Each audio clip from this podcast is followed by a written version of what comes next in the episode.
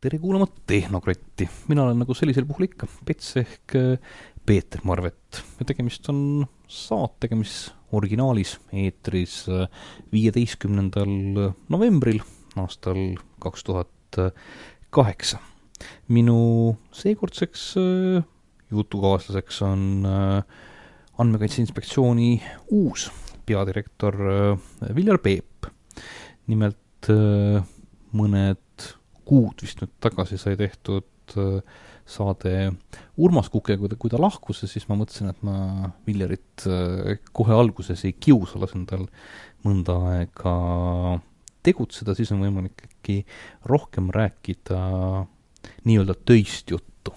nimelt ma kuulasin äh, eri, lugesin ja kuulasin erinevaid varem tehtud intervjuusid Viljariga ja jäi äh, Vikeri Reporterist äh, kõrvu hetk, kus äh, jõudis äh, Arp Müller tüüpilises Andmekaitse Inspektsiooni teemade nimekirjas järgmise punktini, mis oli nüüd, oli see siis sünnipäevaõnnitlused või koolide nimekirjad, mis iganes, mille peale Viljar ütles, kuule räägime tööjuttu ka, siis ma mõtlesin, et Viljar, räägime äh,, räägime tööjuttu.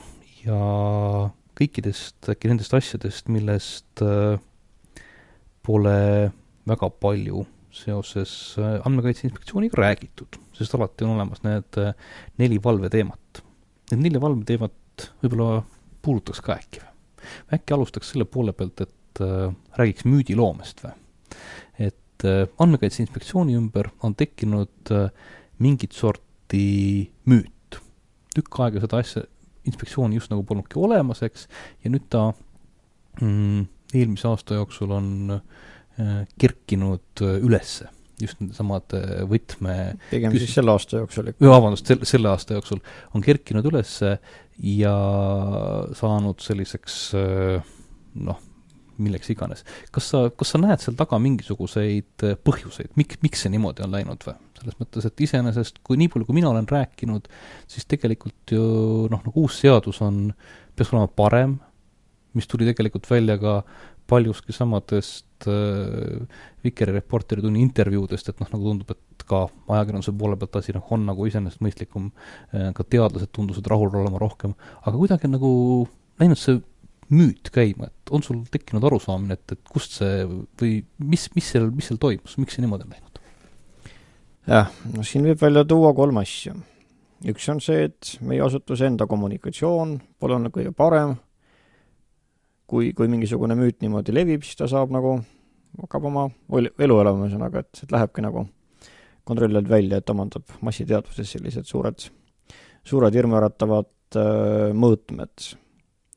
Jah, niimoodi, et veidi nagu tuleb meelde niimoodi kunagine hüsteeria, kus öeldi, et kõik, mis niimoodi nüüd niimoodi muudab meie elu, et need on euronormid, et need ajavad elu hukka. et noh, enamasti oli tegemist nagu kohalike ametnike lollusega või oli tegemist arusaamatusega, et see polnudki mingisugust, polnudki mingit müütilist euronormi taga, et kohtusime eelmine nädal äh, meditsiiniteadlastega ja administraatoritega, kes tegelevad müokardiregistri infosüsteemiga ja seal oli ka niimoodi arusaamad, et, et miks ei või üle-euroopalisi uuringuid teha, et andmekaitse segab. noh, selgus, et äh, andmeid andmeid äh, Euroopa Keskusesse Rootsis edastatakse anonüümis-, anonüümiseeritud kujul. mitte üheski riigis andmekaitse sellist äh, asja ei, ei sega. ometi oli asjaosaliste sügav veendumus, et andmekaitse segab. et noh, näide ühesõnaga, et on levinud niimoodi, et midagi nagu teha ei saa, ju see andmekaitse on taga, et noh, ega ta enamasti, enamasti ei, ei ole. Sageli niimoodi nende samade teadlaste puhul tuli välja ühesõnaga, et noh, tegemata jätmised, kui need olid, olid pigem tegemist siis kas nemad ise tegemist oli ühesõnaga andmete, andmete ühesõnaga majutusteenuse korraldamisega või siis, või siis vastav ministeerium, kes polnud niimoodi tegelenud asja, asja ühesõnaga seadustamise või siis analüüsiga, et miks mida teha saab või ei saa aga tegelikult probleemid olid siis selles, et neil mingeid asju nad siiski ei saanud teha või, või mingid asjad olid neil valesti, sest mulle meenub ka varasemast ajast, et äh, küsimus nagu teadlastega ei olegi mitte see, et mida saab teha, vaid see, et nad ei suuda näidata seda andmete hoiu tingimusi ja ja nad, nad ei suuda tõestada, et nad käituvad nendega noh, nagu no õieti. oleme ausad, et enne, enne se-, enne seda aastat kehtinud andmekaitseseadus jah, oli, oli jäigem, kui praegu vaadata, siis ma ei näe teadusuuringuteks enam enam probleeme, aga, aga müüdid elavad, müüdid elavad oma elu, et, et andmekaitse segab, et no ei, ei, ei sega enam, et noh, rõhutan niimoodi, et kui teaduses töödeldakse anonüümiseeritud andmeid, mis iganes need on, ühesõnaga tervishoiu invaliidsuse geeni, need on anonüümiseeritud, seal ei vii ühesõnaga enam isikut ja, ja tema andmeid kokku, sellel ei ole andmekaitse poolt mitte mingisuguseid takistusi, need andmed võib edastada kuhu iganes, kas Tonga kuningale või Sitsiilia maffiale, see, see, see, need ei ole kaitstavad isikuandmed aga, aga noh, teine tähendab, kui nüüd rääkida niimoodi müüdiloomest, teine aspekt on see, et jah, meie tegevus on pisut teistmoodi kui, kui teistel inspektsioonidel. me oleme ka inspektsioon, aga, aga kui nüüd vaadata millegi iganes tervisekaitsega, veterinaariaga, siis võetakse proove ja ja inspektsioon niimoodi ütleb, et kas oli lubatud või ei olnud, ületati mingisugust määra, ületatud. et selles mõttes need otsustused, mida, mida meie teeme, et neid neid peab avalikkusele selgitama, neid peab nii-öelda avalikkusele veenvalt maha müüma. kui niimoodi kasutada marketingi terminoloogiat, et jah, seisukohad ühes teises küsimuses on, on sellised, mis omavad küllalt sageli ühiskondlikku resonantsi ja, ja tekitavad diskussioone ja kui neid piisavalt, piisavalt hästi ei selgitata, siis ka tulevad tagajärjed ka müüdiloomesse mm,. Samas äh, ma kujutan ette, et oma tooli peal oled sa natukese keerulises positsioonis selles mõttes, et äh, ühe poole pealt äh, jah, on sul vaja avalikkusele selgitada, teisest küljest on vaja vaadata, et need asjad kõik äh, mingil hetkel vist kohtus vett peaksid või? selles mõttes, et äh, sinu lausungite, sinu ameti lausungite äh, alusel tehakse mingisuguseid otsuseid tulevikus nähtavasti, eks ju. kes kuidas midagi teeb ja kui see kellelegi ei meeldi, siis ta läheb seda kusagile edasi vaidlema, eks ju. jah, meie ei ole kohus, põhimõtteliselt kõike, mida me otsustame, võib, võib kohtus vaidlustada. aga no mis teeb asja, tähendab, põnevaks, et äh, ühest küljest see tehnoloogia areng, internet, see, et, et hoopis palju rohkem andmeid on, on, on kogutud ja hoopis palju rohkem andmeid on kättesaadavad, et see on uus olukord ja, ja ütleme, see isikuandmete kaitse teema, mis nagu Lääne-Euroopa riikides on aastakümneid vana, nii-öelda paika loksunud, ei ole meil veel paika loksunud. et mis iganes valdkonna me võtame, näiteks ma ei tea, karistus, karistusandmed, ühesõnaga, et kui vaadata niimoodi, millised seadused seda reguleerivad, seda reguleerib isikuandmete kaitse seadus, seda reguleerib avaliku teabe seadus, kui ütleme, politseitöös andmeid, andmeid korjatakse, seda reguleerib karistusregistri seadus, seda reguleerib politseiseadus, kus on oma, omaette sätted politsei andmekogu kohta, seda reguleerib ka näiteks väärteomenetluse seadustik, mis räägib toimikust. et äh, miks ma just nimelt sellest näitest räägin, et see oli üks kaasus, mida andmekaitse peadirektori ametikohale pürgivad kandidaadid lahendasid läbi. nii-öelda siis oli pikk, pikk kaasus niimoodi, kus tuli anda erinevaid eh, hinnanguid ja siis ma avastasingi, et tuli jumal appi, ühesõnaga, et, et need viis seadust nagu ei, ei haakunud päris hästi, et kõigepealt noh, jääb alati mingisugune ruum, ühesõnaga tõlgendamist ja kaalumist.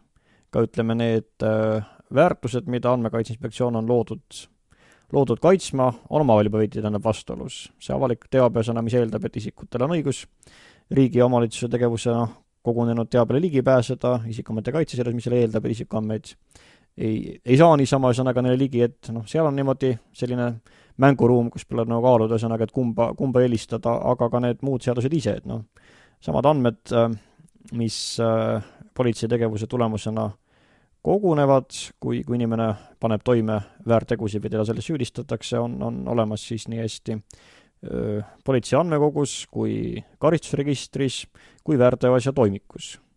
Nende kohta kehtivad erinevad sätted, kui ka andmed on, ütleme siis, see jõustunud väärteootsus on üks ja sama.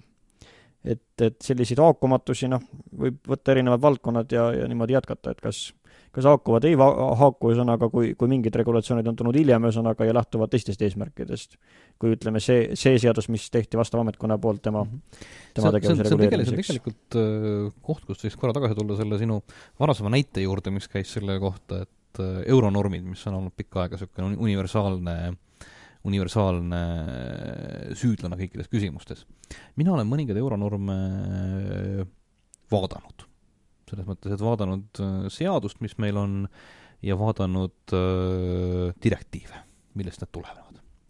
ja siis ma olen avastanud sellist äh, huvitavat äh, nippi, et kui võtta üks niisugune keeruline liitlause ja tõlkida see ära üheks lihtlauseks, jättes ära kõikvõimalikud täiendid, mis seal ta-ta-ta-ta komadega tulevad taga, siis äh, saab täiesti teise mõttega lause no täiesti, täiesti teise funktsiooniga lause, selles mõttes, et võib-olla see põhiline osa jääb samaks, aga see tõlke käigus on nagu noh, midagi nagu läheb nagu kaduma selles mõttes, et tõenäoliselt need keerulisemad konstruktsioonid selle lause ehituses on mõeldud mingisugusteks spetsiifilisteks äh, erandjuhtudeks ja võib arvata, et äh, kusagil on äh, inimesed pikalt-laialt mõelnud ja lobistanud, kuidas see asi niimoodi täpselt paika nojah, see teema on nüüd hoopis, hoopis üldisem me, kui, kui andmekaitse, et vaata, ega see on, see on, seda, seda juriidilise seda... keele lugemine, noh, ütleme, okei okay,, seal on omad tähendab terminid, teine asi, et see põhimõte, alguses esitatakse reegel, siis hakatakse tuua erande, hakatakse tooma erandeid, et see võib ajada inimese segadusse, kui ta lihtsalt niimoodi tahab temale sobivad laused leida ja peab siis niimoodi võrdlema, et mis kehtib, mis, mis, no, mis sama, mitte, euro puhul ühesõnaga, Euroopa Liidu puhul on veel hoopis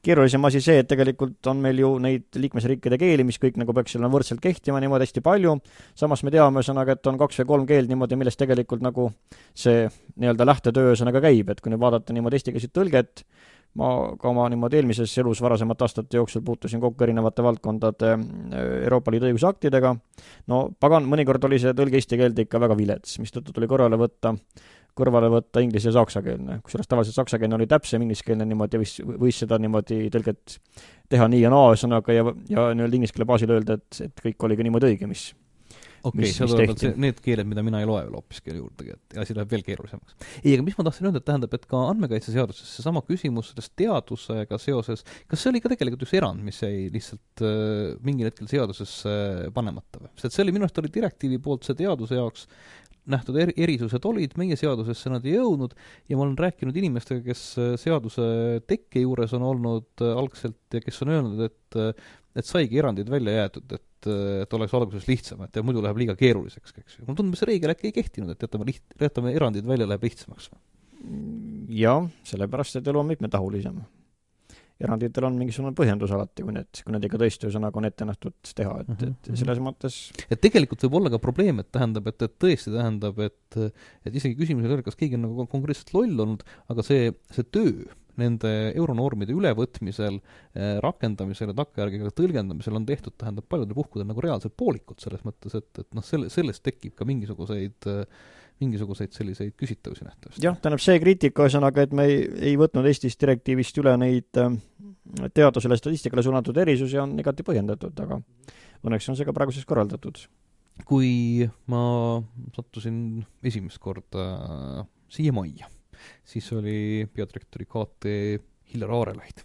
Mul on Hillar Aarelaid, ja noh, meelde seoses sellega, et Hillar ütles, et äh, et äh, temale võivad kõik helistada ka öösel, kui nad avastavad kusagilt toruserverist järjekordse andmebaasi ja nii edasi.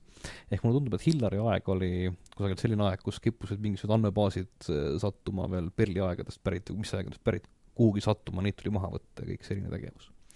siis tuli Urmas Kukk. Urmas Kuke puhul on mulle meelde jäänud see, et ta on üritanud väga põhjalikult Äh, sisustada sellist mõi-, mõistet nagu andmesubjekt ehk inimene, kelle kohta need andmed käivad ja kõik sellega seoses. Äh, räägi, mis sinu aeg tuleb või, mis sinu selline mm, kinnisidee saab olema või? kinnisidee ei ole hea, see kõlab halvasti, aga noh, mis on selline liin, mida sa tahaksid äh, näha, mis on andmekaitse osas vajab tegemist, mis on see laua peal olev hunnik, mis seal paistab? Noh, siin on mitmesuguseid asju, esiteks on säästuajad, me ei üritagi niimoodi tekitada illusiooni, et me suudame niimoodi kõike seda kontrollida, mis isikuandmete töötluses ja avalikus informatsioonis, avalikus teabes toimub. lootusetu, tegelikult tulebki leida need prioriteedid ja, ja, ja seda väikese kontori ressurssi kulutada siis selle peale, kus, kus nii-öelda see akuutsus on, on, on kõige suurem. et selleks me peame pisut oma tööd sisemiselt ümber korraldada rohkem spetsialiseeruda, järelevalveametnikud tegelevad kindlamate, kindlamate teemadega, kus neil korjab ka seda taustateavet selle, selle eluala enda kohta, on see siis meditsiin või, või on see öö, politsei info või on see, ütleme siis, mis iganes, Schengeni infosüsteem. et see, see nii-öelda selle valdkonna sügavam tunnetamine tuleb alati, alati kasuks. teine asi on see, et see, see, see mängureeglite paika looksutamine nagu näiteks teaduse osas või nagu näiteks äh, meedia osas, ajakirjandusel on tehtud mitmesuguseid erisusi, võimalik, et neid tuleb äh, ka juurde, et nende paika loksutamine on, on ka omaette huvitav, huvitav tegevus. kolmandaks, noh, mida ma olen ka mõnes intervjuus, kui, kui on küsitud, olen välja ütelnud, et äh, iseenesest on silmnähtavalt kõige lubamatum või kõige karikatuursem olukord rahvastikuandmete kogumise ja töötlemise osas. ehk siis niimoodi jätkuvalt, et riigil on kolm komponenti, suveräänne võim, territoorium, rahvastik. et kui rahvastikuandmete kogumisega ja nende hoidmisega ei ole asjad korras, siis on see nagu üks väga tõsiseid puudujääke. et meil on riiklik rahvastikuregister, kus üldiselt on siis andmed isikute nende, nendele väljastatud dokumentide, nende perekonna sugulussidemete ja, ja nende elukohtade kohta, et selle kõrval on olemas Kodakondsus-Migratsiooniameti andmebaasid, mis seda suuresti dubleerivad, sisaldavad andmeid täiendavalt, mis sageli niimoodi on omavahel vastuolus. meil on äh, isikute kontaktandmestik, mis on niimoodi lootusetult kaoses. ehk siis põhimõtteliselt, kuna noh, nimetame seda sissekirjutuseks, ütleme elukoha registreerimine, elukoha muudatuse registreerimine, et see on selline protseduur, mida mõistlik inimene lihtsalt ei viitsi ette võtta. no mina, mina võtsin ette, aga mis sellest kasu on, et minu andmed, needsamad andmed minu kontaktandmestiku kohta on olemas Haigekassas, seal on hoopis teistmoodi, on olemas liiklusregistris, ma võisin minna ja teha ühesõnaga uue, uue liikluskindlustuse ja kui ma jõrisesin ühesõnaga, et kuulge, aga ma teile ju teatasin, et ma elan niimoodi nüüd seal, ja, ja, ja, ja mul on ka rahvastikuregistris nagu siis elukoht niimoodi ära muudetud, öeldi, et aga mis siis, aga vaata, ARK-is on sul teine elukoht ja ja meid see niimoodi ei huvita, mis, mis sul on nii-öelda siis nagu riigi põhiregistris, rahvastikuandmete seisukohalt põhiregistris on, et, et noh, et nii on ja miks, paneme miks meie kogu X-tee kohutavalt suur äh, ja püha e-riigi üritus, eks? et nagu noh, tehnilised võimalused nagu oleks, oleks loodud, aga nende rakendamine on, on, on jäänud tegemata ja paneme sinna juurde siis selle munitsipaalse mõõtme et kohalikud omavalitsused tegelikult ju on need, kes on kohapeal koolide, lasteaedade peremehed ja kes on kohapeal äh, siis hoolekandeasutuste peremehed. on need, kes maksavad välja toetusi ja, ja teevad palju, palju muud, ühesõnaga, et lisaks ühesõnaga on veel andmestik rahvastiku kohta nii-öelda siis munitsipaaltasandil, mis on iseäranis delikaatne, palju delikaatsem kui see, mis on seal riiklikus registris. ja kas on nagu mõistlik eeldada, et, et, et, et Piirissaare vald või Ruhnu vald niimoodi on see, kes siis loob endale veel kohapeal see hästi turvatud äh, andmebaasi, mis tekib neil nende funktsioonide täitmise, mis tegelikult valla või linnal ühesõnaga seaduse kohaselt lasuvad ja mis on iseenesest täiesti, täiesti ühesõnaga õiguspärased. aga see andmestik, mis selle kohta koguneb, et, et ei ole põhjust nagu eeldada. seda peaks, seda peaks aga niimoodi koha peal tekitama. Äh, selline küsimus, et äh, arvad sa, et äh, Andmekaitse Inspektsiooni post on nagu see, mis suudab seda teha?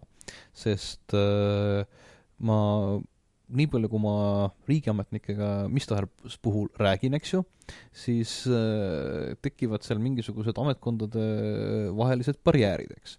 ja rahvastikuregister viimati, kui ma kontrollisin, ta käis vist sinna kuhugi siseministeeriumi alla, eks ju täpsustame, et on siis Siseministeeriumis regionaalministri plokis. jah, ja sinna regi-, regionaalministri see on ju nii-öelda kahepäine ministeerium. jaa, sinna regionaalministri plokki lähevad ka vist need kohalikud omavalitsused, Ruhnud ja kõikvõimalikud muud, eks ju ja nüüd, kui äh, Andmekaitse Inspektsioon on endiselt äh, Justiitsministeeriumi pädevuses, siis võib-olla justiitsministrit parasjagu ei armastata näiteks või? aga miks see peaks meid huvitama? no ma ei tea, kas siia, siia, siiamaani, siiama-, siiamaani on see nagu kõiki seganud, ma saan aru, et kui nagu sul on olemas mingisugune äss taskust võtta, mille peale kõik hakkavad armastama, siis on muidugi hea oma või, või, või, või, või, või see probleem tähendab äh,, ei ole selline või? riiklikku järelevalvet teostades selles valdkonnas, mis meile on antud, oleme me sõltumatud asut-, oleme sõltumatu asutus.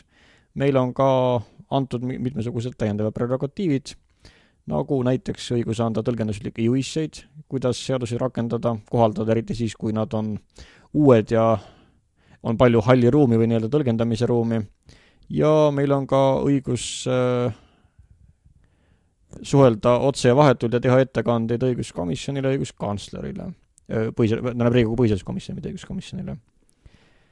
et ja lisaks on mul viis aastat aega selles ametis, et tilkuda sinna kivi peale niimoodi, mida on vaja uuristada. et äh, ma olen jumalast kindel niimoodi, et ega see ei ole niimoodi päevade, nädalate ja, ja kuudega tehtav asi, aga, aga viis aastat nagu peaks olema piisav pikk aeg, et seda probleemi järada senikaua tähendab, kuni, kuni ta on lahenenud. Urmas Kukk arvas, et üldse äkki oleks parem koht äh, inspektsiooni jaoks, kui ta oleks kusagil hoopiski Riigikogu alluvuses või? et ta oleks selles pool, võttes väljaspool, väljaspool ministeeriumide mängumaad niisuguse sõltumatu institutsioonina. asja võib teha, asja võib teha nii, teisiti ja, ja, ja, ja, ja kolmandat moodi, et sõltub sellest, kes on kantsler, eks ju, nagu öeldakse yes, yes härra ministris, eks ju no ütleme, õiguskantsleri ühesõnaga positsioon. see on selline asi, mis tuleb äh, põhiseadusest, noh, tema on nimetatud lõppude lõpuks ju presidendi ettepanekul Riigikogu poolde, et siin on nagu see aspekt, et äh, õiguskantsler ei ole see, kes määrab äh, karistusi, kes menetleb väärteo, väärteoasju, määrab ühesõnaga siis trahve, sunnirahasid, teeb ettekirjutusi et niisugust rolli tal ei ole, et see on põhimõtteliselt ikkagi tavaline, tavaline ühesõnaga haldusvõimu teostamine, mis üldiselt on nagu ühes täidesaatev, täidesaatev riigivõimu plokis, et kui palju seda saab poliitiliselt mõjutada, et jah, see on ühesõnaga risk. mis on, ütleme siis küllaltki maandunud, arvestades seda, et andmekaitse inspektsiooni juht nimetatakse ametisse põhiseaduskomisjoni arvamust küsides valitsuse poolt viieks aastaks ja, ja tagandamisvõimalusi sellised, nagu minister saab kantslerist lahti, inspektsiooni peadirektori puhul ei ole et maavanema või, või kantsleri puhul võib siis minister või valitsus ütelda, et koostöö ei laobu, et mine ära. et seda, seda nüüd peadirektoril ei, peadirektori puhul ei ole, et see peaks nagu olema ka garantii. et jah, et see õiguskantsleri, ütleme, positsioon, et see nagu ei, ei, ei haaku kehtiva põhiseadusega ja parlamendi juuresolek, et kuidas nüüd öeldagi, et tegevuseks on ka ressurssi vaja. et et äh, kui on mingi minister, kes tunneb ennast selle valitsemisala eest vastutavana, on selge ühesõnaga, et ta tunneb ennast seotuna ka sellepärast, et äh, vastav ministeerium oli ta varem sise- ja nüüd justiits, ühesõnaga vastutab andmekaitsealase õigusloome eest, et, et nagunii ühesõnaga teda selle, selle valdkonna hädadega ühesõnaga siis koormatakse, ta peab sellega tegelema ja järelikult ta peaks tundma ka läbinisti poliitilise eelarvemenetluses äh, muret, kas see valdkond on kaetud piisava ressursiga, et kui see inspektsioon ripuks kuskil parameedi juures, siis äh, seda ressursikatet ma eelarvemenetluses nagu hästi ei, ei usaldaks mm. -hmm, mm -hmm. ma lihtsalt äh... millist muret kurdavad ka aeg-ajalt riigikontrolör ja õiguskantsler, ühesõnaga, et kui rahasid jagatakse, siis, siis nende hääl, ühesõnaga, ei ole seal piisavalt esindatud mm no juhul tegemist on niisuguse äh, väärilise väljakutsega, mõeldes, äh, kui jätta isegi kõrvale noh, nagu need kõik äh, omavalitsuste pisikesed asjad, siis mäletamist mööda vist Haigekassal olid seal mingisugused probleemid, et kas rahvastikuregistrist ei saa mingist ajast tagasipoole teada perekondlikke sidemeid mida sa küll mainisid, et see on, aga vist see, on ka vist mingisuguse, mingisuguse piirini on see asi korrastatud ja siis vist äh, kukub ära, keegi tegelikult ei usalda neid andmekogusid, eks ju. et see, see, see on põhiline probleem. see ongi nagu selline või on, või on rahastusmudel varem va,, selline, mis paneb neid kasutama pigem oma majas olevat purki või?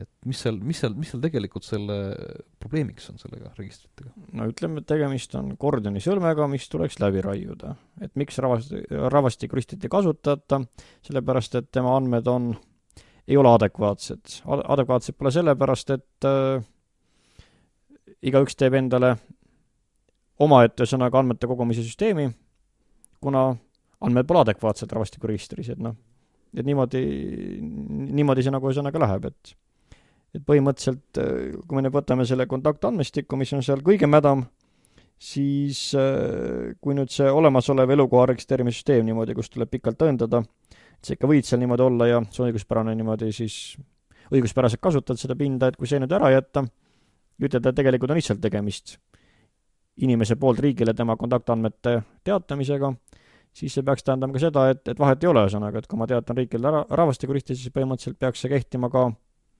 kogu avaliku sektori jaoks. nii Haigekassale, nii ARK-ile, nii Maksuametile ja, ja see teatamine võiks ka käia, tähendab, et noh, ütleme kord aastas töövõimeline inimene harilikult suhtleb e-maksuametiga. või saab ta haigushüvitist või saab ta pensionit või, või registreerib tema uue auto. et kus iganes ta, tähendab, Riigikokku puutub, tal peaks olema võimalus teatada elukohaks, teatada elukoha muutumisest või kontaktandmete, mis iganes see on, telefon või, või e-posti aadressi muutumisest ja selleks peaks nagu olema avaliku sektori jaoks piisama, ka kõigi teiste asutuste jaoks.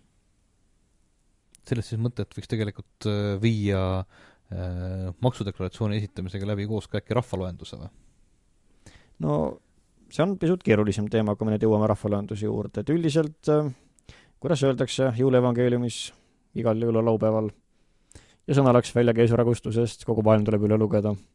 Et naljakas niimoodi, aga mis on nüüd selle kahe tuhande aasta jooksul nagu rahvaloenduse metoodikas meil siis muutunud? ainult üks muutus on, et varem tuli minna keisar Augustuse ajal pidi niimoodi minema rahvaloendaja juurde, nüüd tuleb, rahvaloendaja koju ühesõnaga, aga noh, süsteem on ikka nagu sama, et, et see on, see on veider, et kui me nüüd võtame Euroopa Liidu rahvaloenduse, rahvaloenduse ma ei mäleta, oli nüüd direktiiv või, või, või, või, või määrus, siis seal nagu antakse riikidele kuus või seitse erinevat varianti, kuidas rahvaloendus mõistlikult läbi viia. üks on uksest uksele käimine ja, ja, ja teine on siis ristritepõhine rahvaloendus ja on veel palju erinevaid äh, vahevariante või nende kombinatsioone. et äh, mida rahvaloendus hõlmab? hõlmab rahvastikuandmeid, hõlmab äh, eluruumide andmeid ja ühte koma teist veel lisaks, mis on muudes registrites, näiteks põllumajanduse andmed, või mis, mida ei ole üheski neist.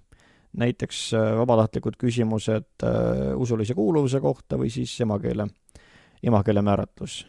et äh, noh, tegelikult ju räägiti ka kahe tuhandel aastal ühesõnaga, et see on niimoodi viimane selline keisri Augustuse stiilis ühesõnaga rahvaloendus, et vaat juba järgmise on niimoodi, teeme äkki ristrite põhjal paraku niimoodi asi taandub sellele, et siis rahvastikuregistri ennast kui nii-öelda seda kõige põhilisemat, kesksemat registrit rahvaloenduse, rahvaloenduse aspektist ei, ei, ei ole vahepeal korda saadud. ehk siis ta on sama nigelas seisus oma andmete adekvaatsuse poolest, kui ta oli, kui ta oli kahe tuhandendamal aastal. ja kui nüüd teha kiire forsseeritud hüpe, tagamaks siis, et inimene mis iganes kontaktis tema ametiasutustega on, makse deklareerides, pensionit saades või, või, või haigusraha saades, et äh, need andmed uuenevad nende kontaktide abil, siis oleks äh, ju võimalik kuskil aasta jooksul niimoodi seda väga oluliselt adekvaatsemaks muuta. ja kui nüüd me eeldame, et tänapäeva infoühiskonnas inimene nagu elektrooniliselt riigigagi nagu suhtleb, vähemalt, vähemalt kord aastas, kui, kui mitte rohkem, siis see, et talle antakse need registriandmed, mis tema kohta on, siis vastavalt kas rahvastikuregistris, PRIA-s, ehitusregistris või, või, või kus iganes veel, et kinnita, kinnita ühesõnaga või, või muuda. Ja anna lisaks niimoodi vasta ühesõnaga siis veel paarile küsimusele, mis, mis on registrite välised, siis peaks nagu olema suurem osa elanikkonnast usaldusväärselt ära kaetud. Ülejäänutel võib siis võtta ütlusi, sest tegelikult rahvaloendus on inimese enda ütluse põhjal andmete kogumine. üldiselt äh, inimeste ütlused on sellised, et äh, noh, kui küsida hariduse kohta või, või eluruumide suuruse kohta, siis noh, jumal hoidku niimoodi, et sa ütluse põhjal niimoodi mõtledki endale välja Oxfordi diplomi või, või selle ühesõnaga, et sinu seitsmekümne viie ruutmeetrine elamispind niimoodi muutub sajaseks, et üldiselt nad ikka ümardavad niimoodi või siis liiguvad kõrgema suunas, et see ütlustepõhise rahvaloenduse noh, usaldusväärsus on, on ka, nagu ta on mm. -hmm. siis on olnud see, millest äh, Ülle Madise vihjas mulle, et äh, on vist olnud mõtteid, et äkki saaks üldse äh, teha selle ukselt uksele rahvaloenduse ja selle käigus täiendaks ühtlasi ära rahvastikuregistri või? tähendab, mõte on noh, ütleme, mina ei ole, see tähendab see, kes lõppude lõpuks otsustab, milline on rahvaloenduse metoodika. mulle endale tundub, et kui nüüd saaks forsseeritult korda selle kõige nii-öelda fundamentaalsema andmekogu rahvastikuregistri, ja, ja, ja teha seda, ütleme siis riigiga nii-öelda elektrooniliste kontaktide abil, kus pannakse, kus iganes kohas siis on niimoodi mm, e-maksuametis või, või, või mujal, ühesõnaga, pannakse see võimalus ette, et, et kinnita või muuda oma registriandmeid ja vastavalt paarile küsimusele, siis rahvaloendaja võiks käia niimoodi ukselt uksele nende inimeste puhul, kes siis ei suhtle riigiga elektrooniliselt selle ette nähtud rahvaloenduseks ette nähtud aja jooksul. et äh, ilmselt oleks see nagu oluliselt odavam ja tagaks ka usaldusväärsema tulemuse, kuna ütlustepõhist andmete kogumist jääks oluliselt, oluliselt vähemaks. mm. -hmm. seal tekib küll mingisugune küsimus sellest, et äh, kui rahvaloenduse käigus, mis on klassikaliselt äh, anonüümne tegevus meil siin, selles mõttes, et andmeid kasutatakse statistikas, mitte inimeste kaupa, eks äh,, siis äh, kui sealt hakata asju jälle tagasi kusagil registris, registritesse siduma, siis äh, kas sellega ei või tekkida mingeid järgmisi küsimusi privaatsusest ja millest iganes ja samuti kogutavate andmete õigsusest või?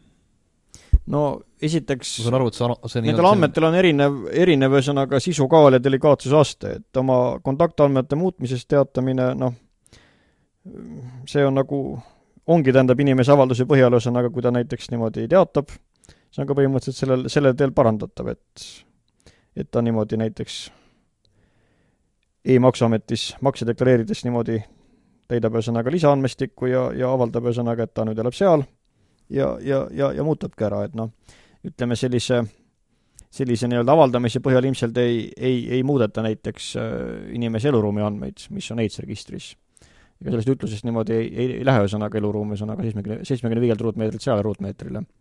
Küll aga see võib olla lihtsalt mingi lisateave. ja on andmed ühesõnaga, mis on märksa delikaatsemad, nagu andmed emakeele või, või, või eriti usutunnistuse kohta, Need on need niimoodi, mis peaksid minema siis turvalist, turvalist kanaleid mööda sellise, sellise internetipõhise või ütleme, registritepõhise interneti teel küsitluse korral siis niimoodi sinna, kus, kus teised ei näe ega, ei, ei näe ega kuule.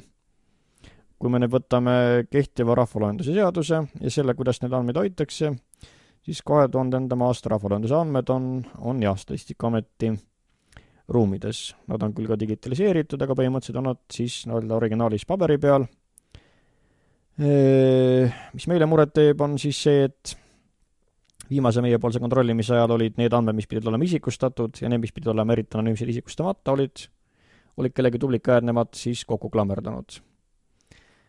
teine tore asi on see, et see viimane oli nagu hiljutine või? Suhteliselt see oli mõned aastad tagasi, jah.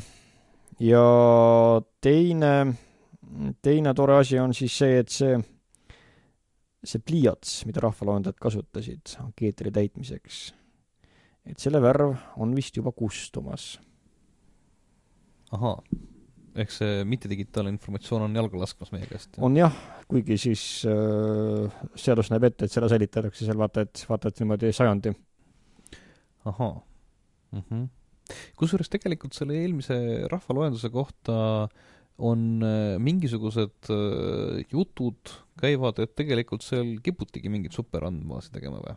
kas see on ka mingisugune ei, seda et selles mõttes, et seal kiputigi neid andmeid nagu kasutama noh, et äh, ilma lahti isikus, isikustama, lahti isikustamata või? et see saadi mingisugusel viimasel hetkel nagu käpp ette või? jah, ütleme, et probleeme oli, minu ajalooline mälu niimoodi ei ole väga pikk, et ma kõik oskaksin detaile välja tuua. põhimõtteliselt, kui neid andmeid kasutatakse anonüümiseeritud kujul, jumala pärast, kasutatagu. ei ole, ei ole vastuväiteid. aga, aga, aga jah, nagu ma olen kuulnud, niimoodi oli ka vastupidiseid, vastupidiseid näiteid mm. -hmm. ehk tegelikult selles mõttes äh, seda, et me usaldame, et need asjad toimivad niimoodi, nagu nad peaksid toimima, seda nagu ei maksa nagu alati mitte teha, eks no üldiselt jutud Statistikaameti superandmebaasist rahvaloenduse põhjal, et see, see, see ei ole ühesõnaga tõsi. superandmebaas tähendab, oleks see tõesti, tähendab siis, kui kõik need delikaatsed ja, ja mittedelikaatsed andmed, mida inimene rahvaloendajal avaldab, oleksid olnud äh, kuidagi nii-öelda väga avalikud või siis lausa seotud ühesõnaga teiste andmebaasidega, et, et ei, seda, seda, seda mitte mm. -hmm. aga nüüd me, nüüd me loomulikult sellega seoses äh, levitame kuulujuttu või õigupoolest, vabandust äh,, blogi, blogi, blogi kakskümmend aastat hiljem rõhutab, et sellest peaks, seda peaks nimetama kuulduseks. ja üks minu arust selline äh, probleemne küsimus kogu selle andmekaitse isikuandmete turvalisuse suur, suur puhul on äh, just nimelt see, et kohustus probleemidest rääkida. ehk kui kellelgi on jälle kusagil läinud jalutama mälupulk või CD, äh, kellegi konsultandi läpakas on pihta pandud koos äh, mis iganes andmetega, mida me siin vahetevahel loeme, juhtub mitmetes vanademokraatiaga riikides, siis meil vist niisugust kohustust ei ole või? selles mõttes, et kui mul siin läpakast no aitasin siin mingit ametit, mul sattusid siia mingisugused andmed ja see läks nüüd nagu jalutama, sellest ma ei pea vist kellelegi teatama no,. me jätsime kokku, kui tekivad kuuldused, siis tekivad. Äh, jah, viitab sellele, et mis on nagu isikuandmete kaitsmise kõige peamine mure, et, et see ei ole nagu tehnoloogiline, et see, ütleme siis see tähendab, ei ole niimoodi häkkimise mure, vaid see on pigem see niimoodi, et mida riskid inimfaktorist. aga et noh, mida tähendab praegu Riigikontroll teeb, on, on see, et nad auditeerivad äh, valimisse võetud äh, riigi omavalitsusasutuste infosüsteemide, andmekogude sisekontrollisüsteemi. et tegelikult, äh, kui me nüüd räägime sellest, et äh, kas peab teatama või, või ei pea teatama, siis teatud juhtudel võib olla andmete, andmete kaotsimine selline, mis on äh, karistatav kriminaalkorras, ütleme näiteks, kui ta sisaldab riigisaladust sisaldab, ütleme seal äh, mingit jälitus, kriminaalmenetluse infot, ühesõnaga, siis iseenesest niimoodi on ju kuriteost teatamise kohustus, juhul kui tegemist on selliste andmetega. ei, siis peab teatama kuriteost, peab teatama nii-öelda politseile, eks ju, või prokuratuurile, eks. aga andmesubjektidele Ega..., aga andmesubjektidele? küsimus on nagu rohkem sellest, et oleks nagu vaja siis teavitada, et noh, need kolmsada tuhat, kelle andmed seal mälupulga peal olid, et neid tuleks öelda, et nüüd on nagu meil niisugune fopaa. et jälle Tammsaare pargis kaotasime teie, teie andmetega mälupulga ära, et noh, nüüd kui seal olid peal sellised, sellised andmed ja kui selle alusel keegi, keegi nagu tuleb teile rääkima ja väidab, et ta teab selliseid andmeid, et siis see võib olla meie ametnik, aga see võib olla ka tegelikult see mees, kes selle kusagilt leidis. et meil vist hetkel seda ei ole või? no ütleme, et hea haldustava tõepoolest näeks ette, ühesõnaga, et kui toimub mingisugune oluline, oluline ühesõnaga leke, siis peaks ka peaks ka ohvritele, ohvritele teada andma. jah, aga see peaks kusagil nagu kirjas ka vist olema seaduse tasemel või? muidu ega ega heast tavast annab nagu natukese nagu, niimoodi, kas... nagu, nagu väga ei lekkinud ei, maksa nagu üle fetišeerida või kas-, kalduda, ütleme, juriidilisse fetišismi, et kõik ei, peab olema niimoodi no, kirjas, et, et mõnes... ära ühesõnaga, ära sülita niimoodi teisele ei, Ameerikas on mõned, Ameerikas on vaata niimoodi, seal on mõnedes osariikides on niimoodi, et peab ja seal nagu siis ka teavitatakse ja mõnedes osariikides, kus ei pea ja seal üldiselt ei teavitata. et eh, see on nagu niisugune tegevus, mida inimesed äh, nagu vabatahtlikult ei tee, erinevalt näiteks klistiirist, et kui sa vaatad, siis sa spa äh, paketi koosseisust leiad ka jämesoole vesipesu ja seda järelikult inimesed võtavad, kuigi millegi Šveiki fännina mulle tundub, et see on nagu mingisugune asi, mida mina küll ei läheks nagu ise vabatahtlikult spaasse nagu nõutama, aga aga näe, aga ma olen, ma olen täiesti kindel, et erinevalt jämesoole vesipesust andmelekkest teavitamine ei kuulu selliste asjade hulka, mida noh, nagu suhtekorralduspaketina vaikimisi no, võetakse? sõltub äh, andmetest, kui delikaatsed nad on või, või kui, kui nii-öelda lihtandmed ja, ja kui avalikud andmed nad on, mis kaduma läksid või verendama läksid, äh, sõltub sellest, et kas nende andmetega koos olid inimeste kontaktid niimoodi, mida saaks kasutada teatamiseks, võib-olla ei olnud, et võib-olla see väljaselgitamine ja niimoodi igaühe ülesotsimine, ühesõnaga võtab, võtab teat, rohkem aega, ühesõnaga kui teavitamine oleks kallis, et siis me ei teavita inimesi või? no et on mingisugune hind, et kui noh, nagu inimeste ülesotsimine, kelle andmed kaduma läksid, siis me ei, see ei ole vajalik. et mistõttu ikka jõuame sinna niimoodi, et võib-olla nagu hea tava ja ühesõnaga viisakus nagu on, on see, mis äh, on nagu kõige mõistlikum. et jääme ikka lootma või? või äkki trügiks selle kuhugi sisse selles mõttes, ma, ma sügavalt kahtlen, tähendab, äh, võta, võtame, okei okay,, vahetame teemat. võtame sellise toreda asja, et äh, minul kui kodanikul on õigus teada saada, milliseid andmeid minu kohta kogutakse. ja ma vist võin nagu teada ka seda, et kes neid on nagu, nende poole on pöördunud. Rahvastikuregistrist näiteks. et äh, praeguses tarkvaraversioonis, mis neil seal tuksub, mina tegin Äh, umbes aasta tagasi päringu äh, ja sain mingisuguse, mingisuguse väljavõtte sealt ka, ka tõesti. aga mulle öeldi, et, äh, et sellega läks nagu aeg ja see oli väga keeruline, kuna ma tahtsin veel viie aasta peale ja noh, kuna blanketil ei olnud küsitud, kui pikk, noh, lahter pik-, pikaks ajaks oli tühi, siis ma panin viis aastat. Et liiga pikk aeg, et selle peale vastuse koostamine võttis kõvasti aega, sest meil tegelikult nagu sellist välja ei ole, et kes on nagu pärinud, et siis me pidime mingisugustest kommentaariväljadest äh, tegema mingisuguse massilise otsingu, siis me saimegi teada. ehk niisugune elementaarne asi, et inimene saaks teada, tähendab, et kes on tema andmete poole rahvastikuregistris pöördunud. Et see on nagu niisugune noh, nagu ühekordne tegevus, millega on äh, parasjagu probleemi ja seda taheti mulle edastada välja trükituna sest et neil puudus isegi noh, nagu protseduur selleks, et seda elektrooniliselt saata, mis tähendab, et niisugune elementaarne järelevalvefunktsioon kodaniku poolt äh, ei toimi. kui me nüüd teeksime raadios reklaami, et pöörduge palun, siseministeeriumi veebist leiab äh, ankeedi ja küsige oma viimase viie aasta rahvastikuregistri andmed, siis üldiselt on meil, tähendab noh, nagu unustame ära, et selle rahvastikuregistri pealt õnnestub veel ka pärast rahvaloendust teha, sest et seda lihtsalt neil muud ei jõuagi teha, kui kodanike küsimustele vastata. Järgmine küsimus. järelikult, järelikult aitab automaatika, et kui me võtame nüüd ka KMA andmebaasid, siis seal on selline päring äh, ma väidan, et KMA digitaalselt protokollitav ühesõnaga ja, ja selle KMA väljakerimine võtab vist ka ilmselt oluliselt vähem aega. KMA baas on vist ka ainukene, mille kohta võime seda öelda. ma alati, kui ma välisajakirjanikele demonstreerime e-riiki, siis ma alati näitan ka, et ma sealt kõike näen.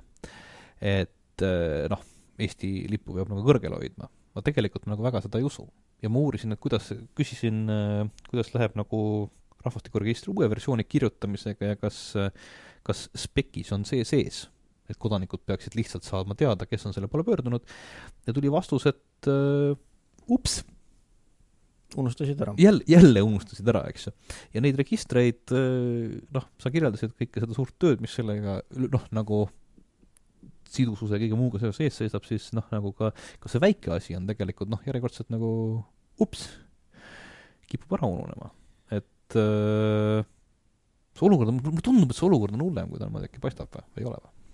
no lisaks on selle inimesele enda kohta tehtud päringute nägemisega on, on, on veel mõned aspektid, et üks asi on see, et mõned registrid, millega mina varem tegelesin, otse tähendab sellist ammendavat kontrolli ei teosta.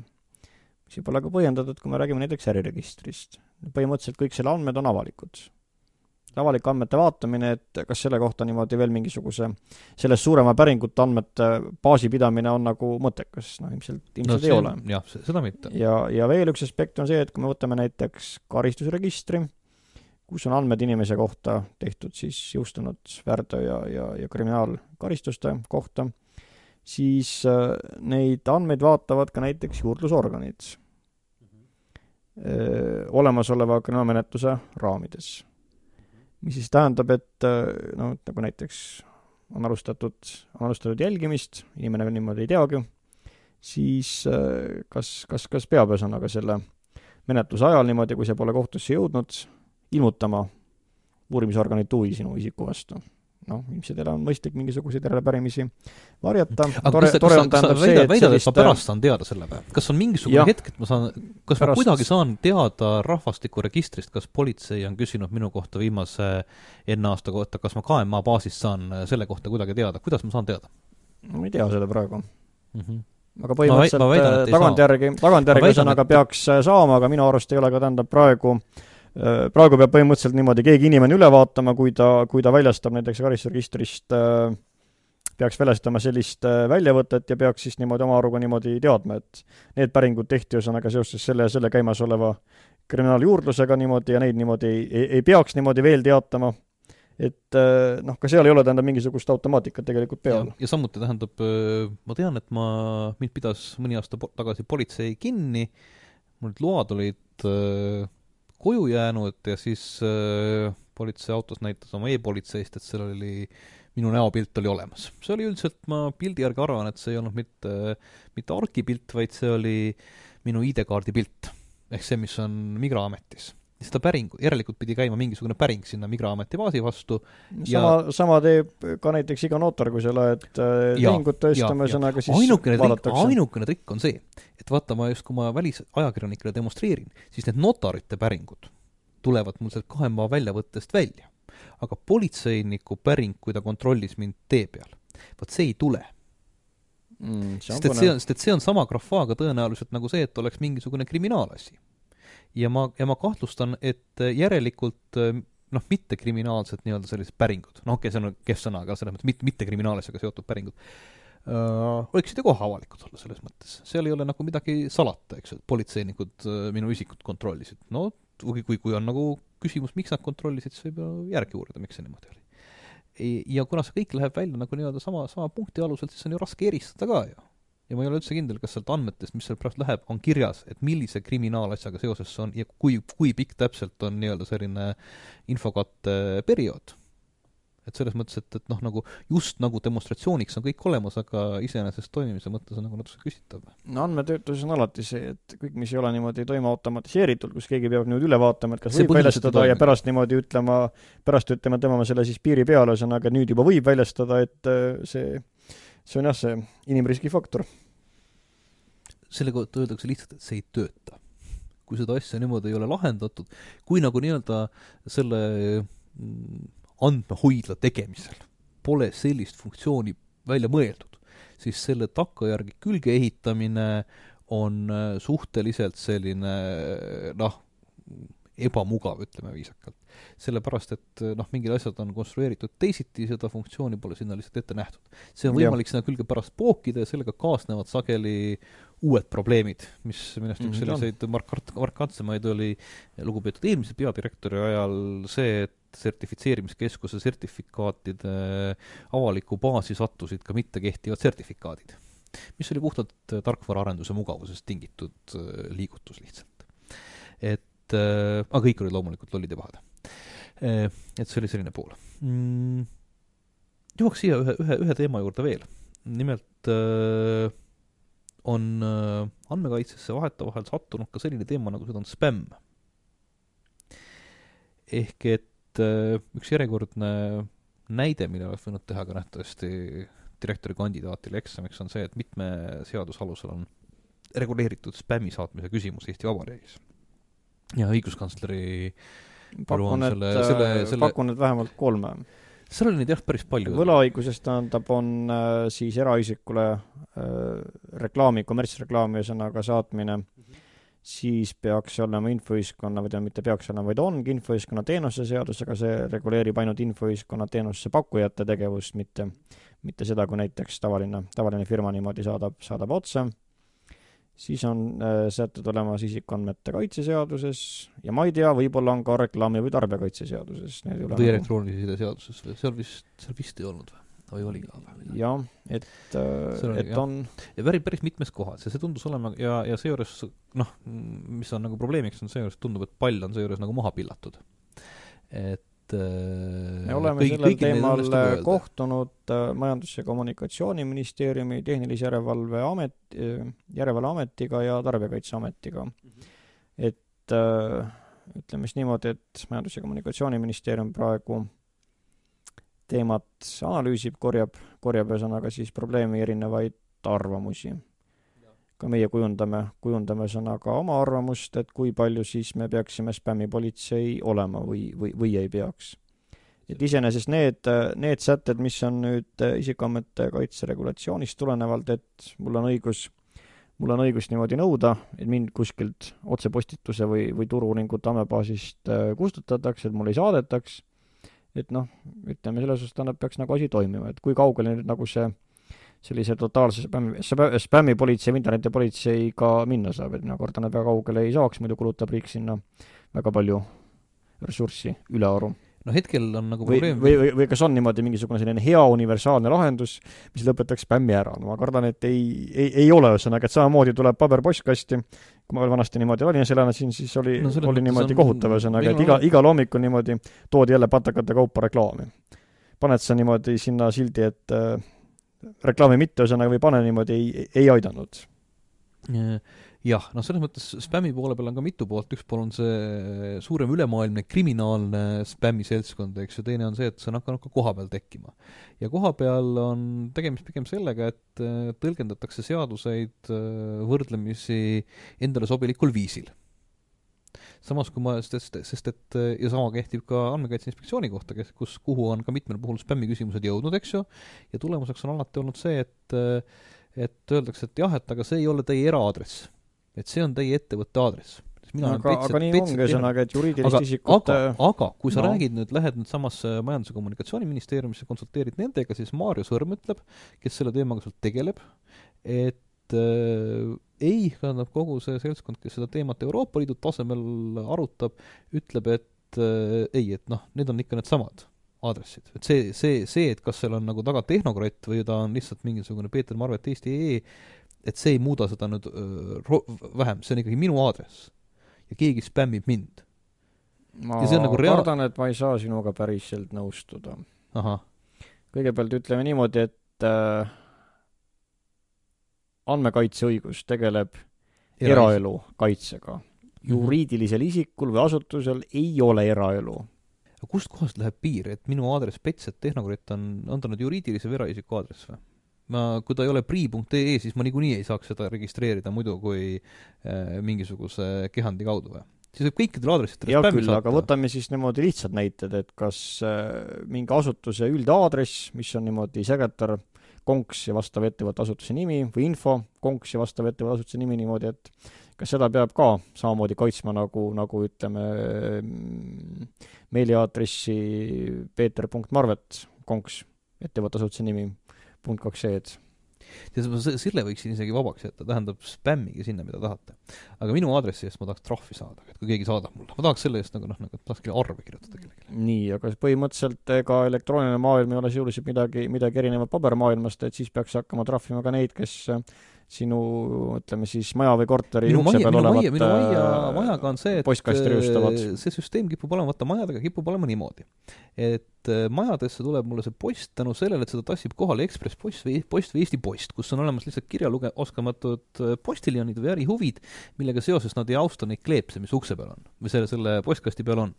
Ma olen ka teatanud Eesti Postile ja, ja nii edasi, aga ükski nendest lahendustest üldiselt ei tähendab, asi, mis toimib, ükskõik, tähendab, kas see post tuleb äh, paberi kujul äh, postkasti või see tuleb elektrooniliselt e-postkasti, see, et sul on õigus nõuda, et sind kuskilt äh, saatja andmebaasist kustutatakse, see põhimõtteliselt toimib, juhul kui see saatja on Eesti, Eestis asuv ja kuhu, äh, on andme, kui tal on andmebaas on no kust ta muidu teab saata? siit tuleb järgmine küsimus muideks. Kuidas meil telefoni helistamistega on, see läheb ka vahetevahel väga tüütuks. telefoni helistamistega jah, ka mulle annab- niimoodi helistati ja väideti, et nad võtsid niimoodi, siis genereerisid ise niimoodi suvalisi valiminumbreid, ega nemad minu salastatud numbrit ei teagi. noh, see võis, ütleme Jah, siis, mina olen- ütleme niimoodi, et rääkisin veenvalt ja ma jäin selle uskuma. ja mina, minuga juhtus niisugune lugu, et mina, mulle helistasid ka ühed poisid ja pakkusid jälle seda, teist või kolmandat äh, ja mul on alati olnud niisugune nii-öelda skript, mille ma läbi käin, on see, et ma palun ennast lisada ära, ära, ära mulle helista andmebaasi, eks ju. ja väga sageli tuleb välja, et need, kes helistavad, et neil ei olegi andmebaasi, et nad lihtsalt telefoniraamatust järjest vaatavad ja helistavad või siis genereerivad mingi kui valimi nad. telefoniraamatust võtavad, siis äh, kehtib sama, mis kehtis peaminister Ansipi koduaadressiga, et kui ta ise on selle avalikustanud, siis põhimõtteliselt võib seda kasutada. Eh, muudes riikides on sellega seoses nagu tehtud mõningaid registreid, kus mul on võimalik öelda, tähendab, et seda ma soo-, neid soovimatuid kommertsteadaandeid saada ei taha. äkki oleks aeg Eestis ka teha või? Kana-, Kanadas oli see liitujate hulk vist ikka päris suur, selles mõttes, seal oli nagu noh, märkimisväärne osa populatsioonist pani oma kodutelefonid kirja ja ütles, et kuulge, noh, telemarketing ei ole in. et Kõlab- äh, kõlab hästi. et äkki teeks või? See võiks olla hea mõte. mul on tegelikult on üks, meil on aeg hakata jutu ikkagi tähendab selle, selle teema niimoodi lõpetuseks ühesõnaga, et põhimõtteliselt e-post tähendab e- e-posti soovimata reklaami saatmine ei erine mitte millegi poolest sellest, kui ta tuleb äh, paberi kujul postkasti või ta tuleb telefonikõnena. Eli, et nagu sinna niimoodi mingit totaalset, totaalset ühesõnaga politseid nagu peale ei, ei, ei ehitaks ilmselt. peaks jääma tähendab võiks, õigus ühesõnaga, et nõuan, nõuan enda ühesõnaga kustutamist. Saajate loetelust., ei, aga peab olema tõestus selle kohta, et eh, kuidas ma teie baasi sattusin. see on vastavalt direktiivist tulenevalt, erinevalt Ameerika Ühendriikidest Euroopas kehtib eh, opt-in põhimõte. ehk eh, mina pea, kui, kui, kui sina mulle saadad spämmi, seal on mõningad erandid näiteks, kui meil on varasem ärisuhe ja nii edasi, eks ju. siis, kui ma olen avalikus telefoniraamatus, ei, see ei loe. tähendab, sul peab olema minu nõusolek selle kohta, et et saab ta kommertsteadaannet. kom-, saata mulle kommertsteadaandeid, jah, reklaami.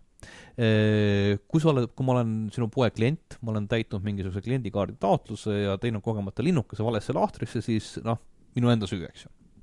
aga lihtsalt niisugune aadressite ko- kollektsioneerimine ja siis viimasel ajal on tekkinud sinna mingisugused päised, et et, et et me, ma ei tea, leidsime selle aadressi avalikest allikatest või mida iganes, tähendab, selles mõttes see näitab, et seal on nagu noh, nagu ettevõtete juriidiline loomingulisus on jõudnud ikka nagu väga kaugele, et et noh, neid viise, kuidas nad üritavad välja vabandada, miks nad võivad mulle saata, on ikka tekkinud, tekib, tekib iga päevaga järjest juurde ja need lähevad järjest müstilisemaks. no ütleme, et vabanduste otsimise faas on siiski midagi paremat kui kui asja eiramise faas.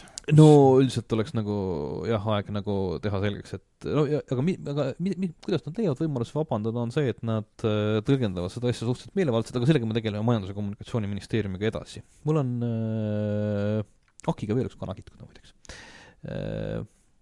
ja see jäi mulle silma. nüüd, kui ma lugesin äh, intervjuud mõned päevad tagasi Postimehes vist oli sinuga. seal oli muidu väga tore, tore intervjuu ja kui teema jõudis äh, lemmikküsimuseni koolinimekirjadest, siis sa käisid välja väga hea vastuse. et tegelikult on ju võimalik äh, veebis mingisugustele osadele panna peale äh, nii-öelda robots.txt fail, kus on öeldud, et vot see alamhulk on niisugune, mida otsimootorid, viisakad otsimootorid ei külasta ja indek-, ei indekseeri ehk needsamad probleemsed küsimused, mingisugused nimekirjad, mis võiksid mitte tulla Google'ist välja, spordivõistluste tulemused, mm, mingid sellised asjad on võimalik kuulutada selliseks äh, mitte otsimootorite maaks ja see kõik on väga tore.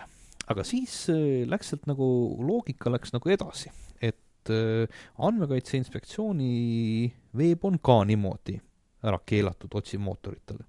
ja ühtlasi Äh, peakski olema nagu niimoodi, et on riigil on üks mingisugune keskne portaal.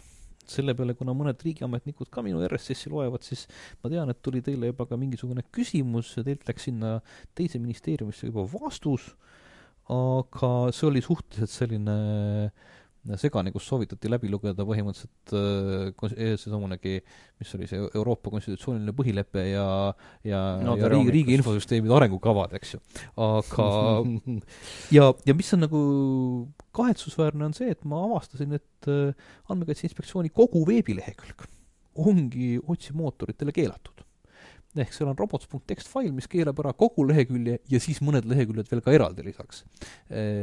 Ja mis tähendab seda, et kui ma otsin Google'ist täna sõna andmekaitse inspektsioon, siis ma leian kõikvõimalikke muid asju Riigi Teatajast, mingisuguse viite, mida iganes, aga ma ei leia andmekaitse inspektsiooni kodulehekülge. et kas seal kontseptsioonides võib olla mingisuguseid selliseid ebakohtasid äkki või?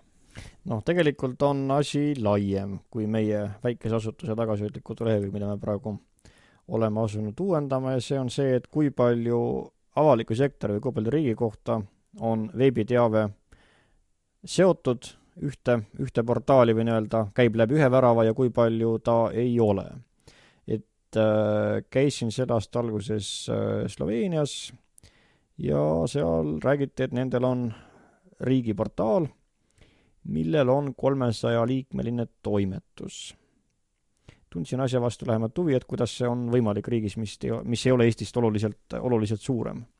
põhimõtteliselt äh, Sloveenias on nii-öelda siis selline värav internetis, mille kaudu avaneb, avaneb kogu see teave, mida asutused iseenda kohta, oma teenuste kohta, oma õigusaktide kohta, mille iganes kohta internetti üles panevad, äh, võib otsida asutuste kaupa, võib otsida teenuste kaupa, ütleme, kui mul on mingisugune probleem, pass kaob ära, tähendab, mind ei huvita, tähendab iseenesest niimoodi see, see ametkond oma, oma niimoodi infoga, mis räägib, kui tore ametkond on ja mis tal kõik niimoodi on, mind huvitab niimoodi konkreetselt, tähendab, kuidas ma niimoodi saan oma probleemse olukorra ära lahendatud.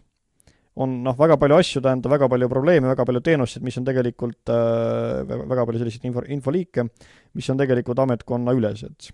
kuidas ma näiteks ettevõtet asutan ma võin niimoodi siis hakata surfama ja leida, ühesõnaga siis eri, eri ametkondade alt äriregistri, ütleme siis Maksu- ja Tolliameti, erinevad asutused, mis tegelevad raamatupidamisega, viiskümmend asutust, kes tegelevad, ütleme, erinevatega tegevusaladega, tegevuslubade litsentsidega, nii edasi, nii edasi. see kõik on niimoodi, ühesõnaga, pole üle, üles ehitatud tegelikult mitte teenusse ja inimese või tarbija põhiselt, see on üles ehitatud asutuste põhiselt et noh, selline mõistliku riigiportaali siit me jõuame küsimuseni, et väga paljud äh, riigi funktsioonide jaoks oleks meil vaja hakata pihta info, infoarhitektuurist, äh, kasutatavusest ja kõigest muust sellisest, ehk looma seda asja. tõstan, tõstan niimoodi selle mõtte toetuseks mõlemad, mõlemad käed üles. aga paraku, tähendab, meil on Eestis olemas ka siin mingisugused riigiportaalid ja, ja muud asjad ja viimati, kui ma, ma jälgin RSS-iga, millal sinna teemasid lisandub ja viimased lisandusid sinna teemad Päike, õhk ja vesi ja seejärel tuli kodanikuühiskond, milles kirjutati äh, umbes kaks lauset. no selle riigiportaaliga selle, selle, selle, selle olukord on nagu, on nagu, nagu selline. ja nüüd on nagu see, et et äh, lisaks kõigele muule tekib meil äh, igapäevaselt suhteliselt palju informatsiooni, mis on, äh, millega inimesed liidestuvad läbi Google'i, läbi otsimootorite. ehk sageli, tead, mind isegi ausalt öeldes ei huvita, kus kohas riik seda informatsiooni ots-, hoiab. ma tahan, et kui ma kirjutan Google'isse sisse ettevõtte asutamine, siis ma leiaksin selle ülesse. Ja praegust ma leian tõenäoliselt mingisuguse aktsiaseltsi, mis mul ettevõtteid asutab, eks ju, aga ma võiksin leida selle koha pigem üles mingisuguse nõuande.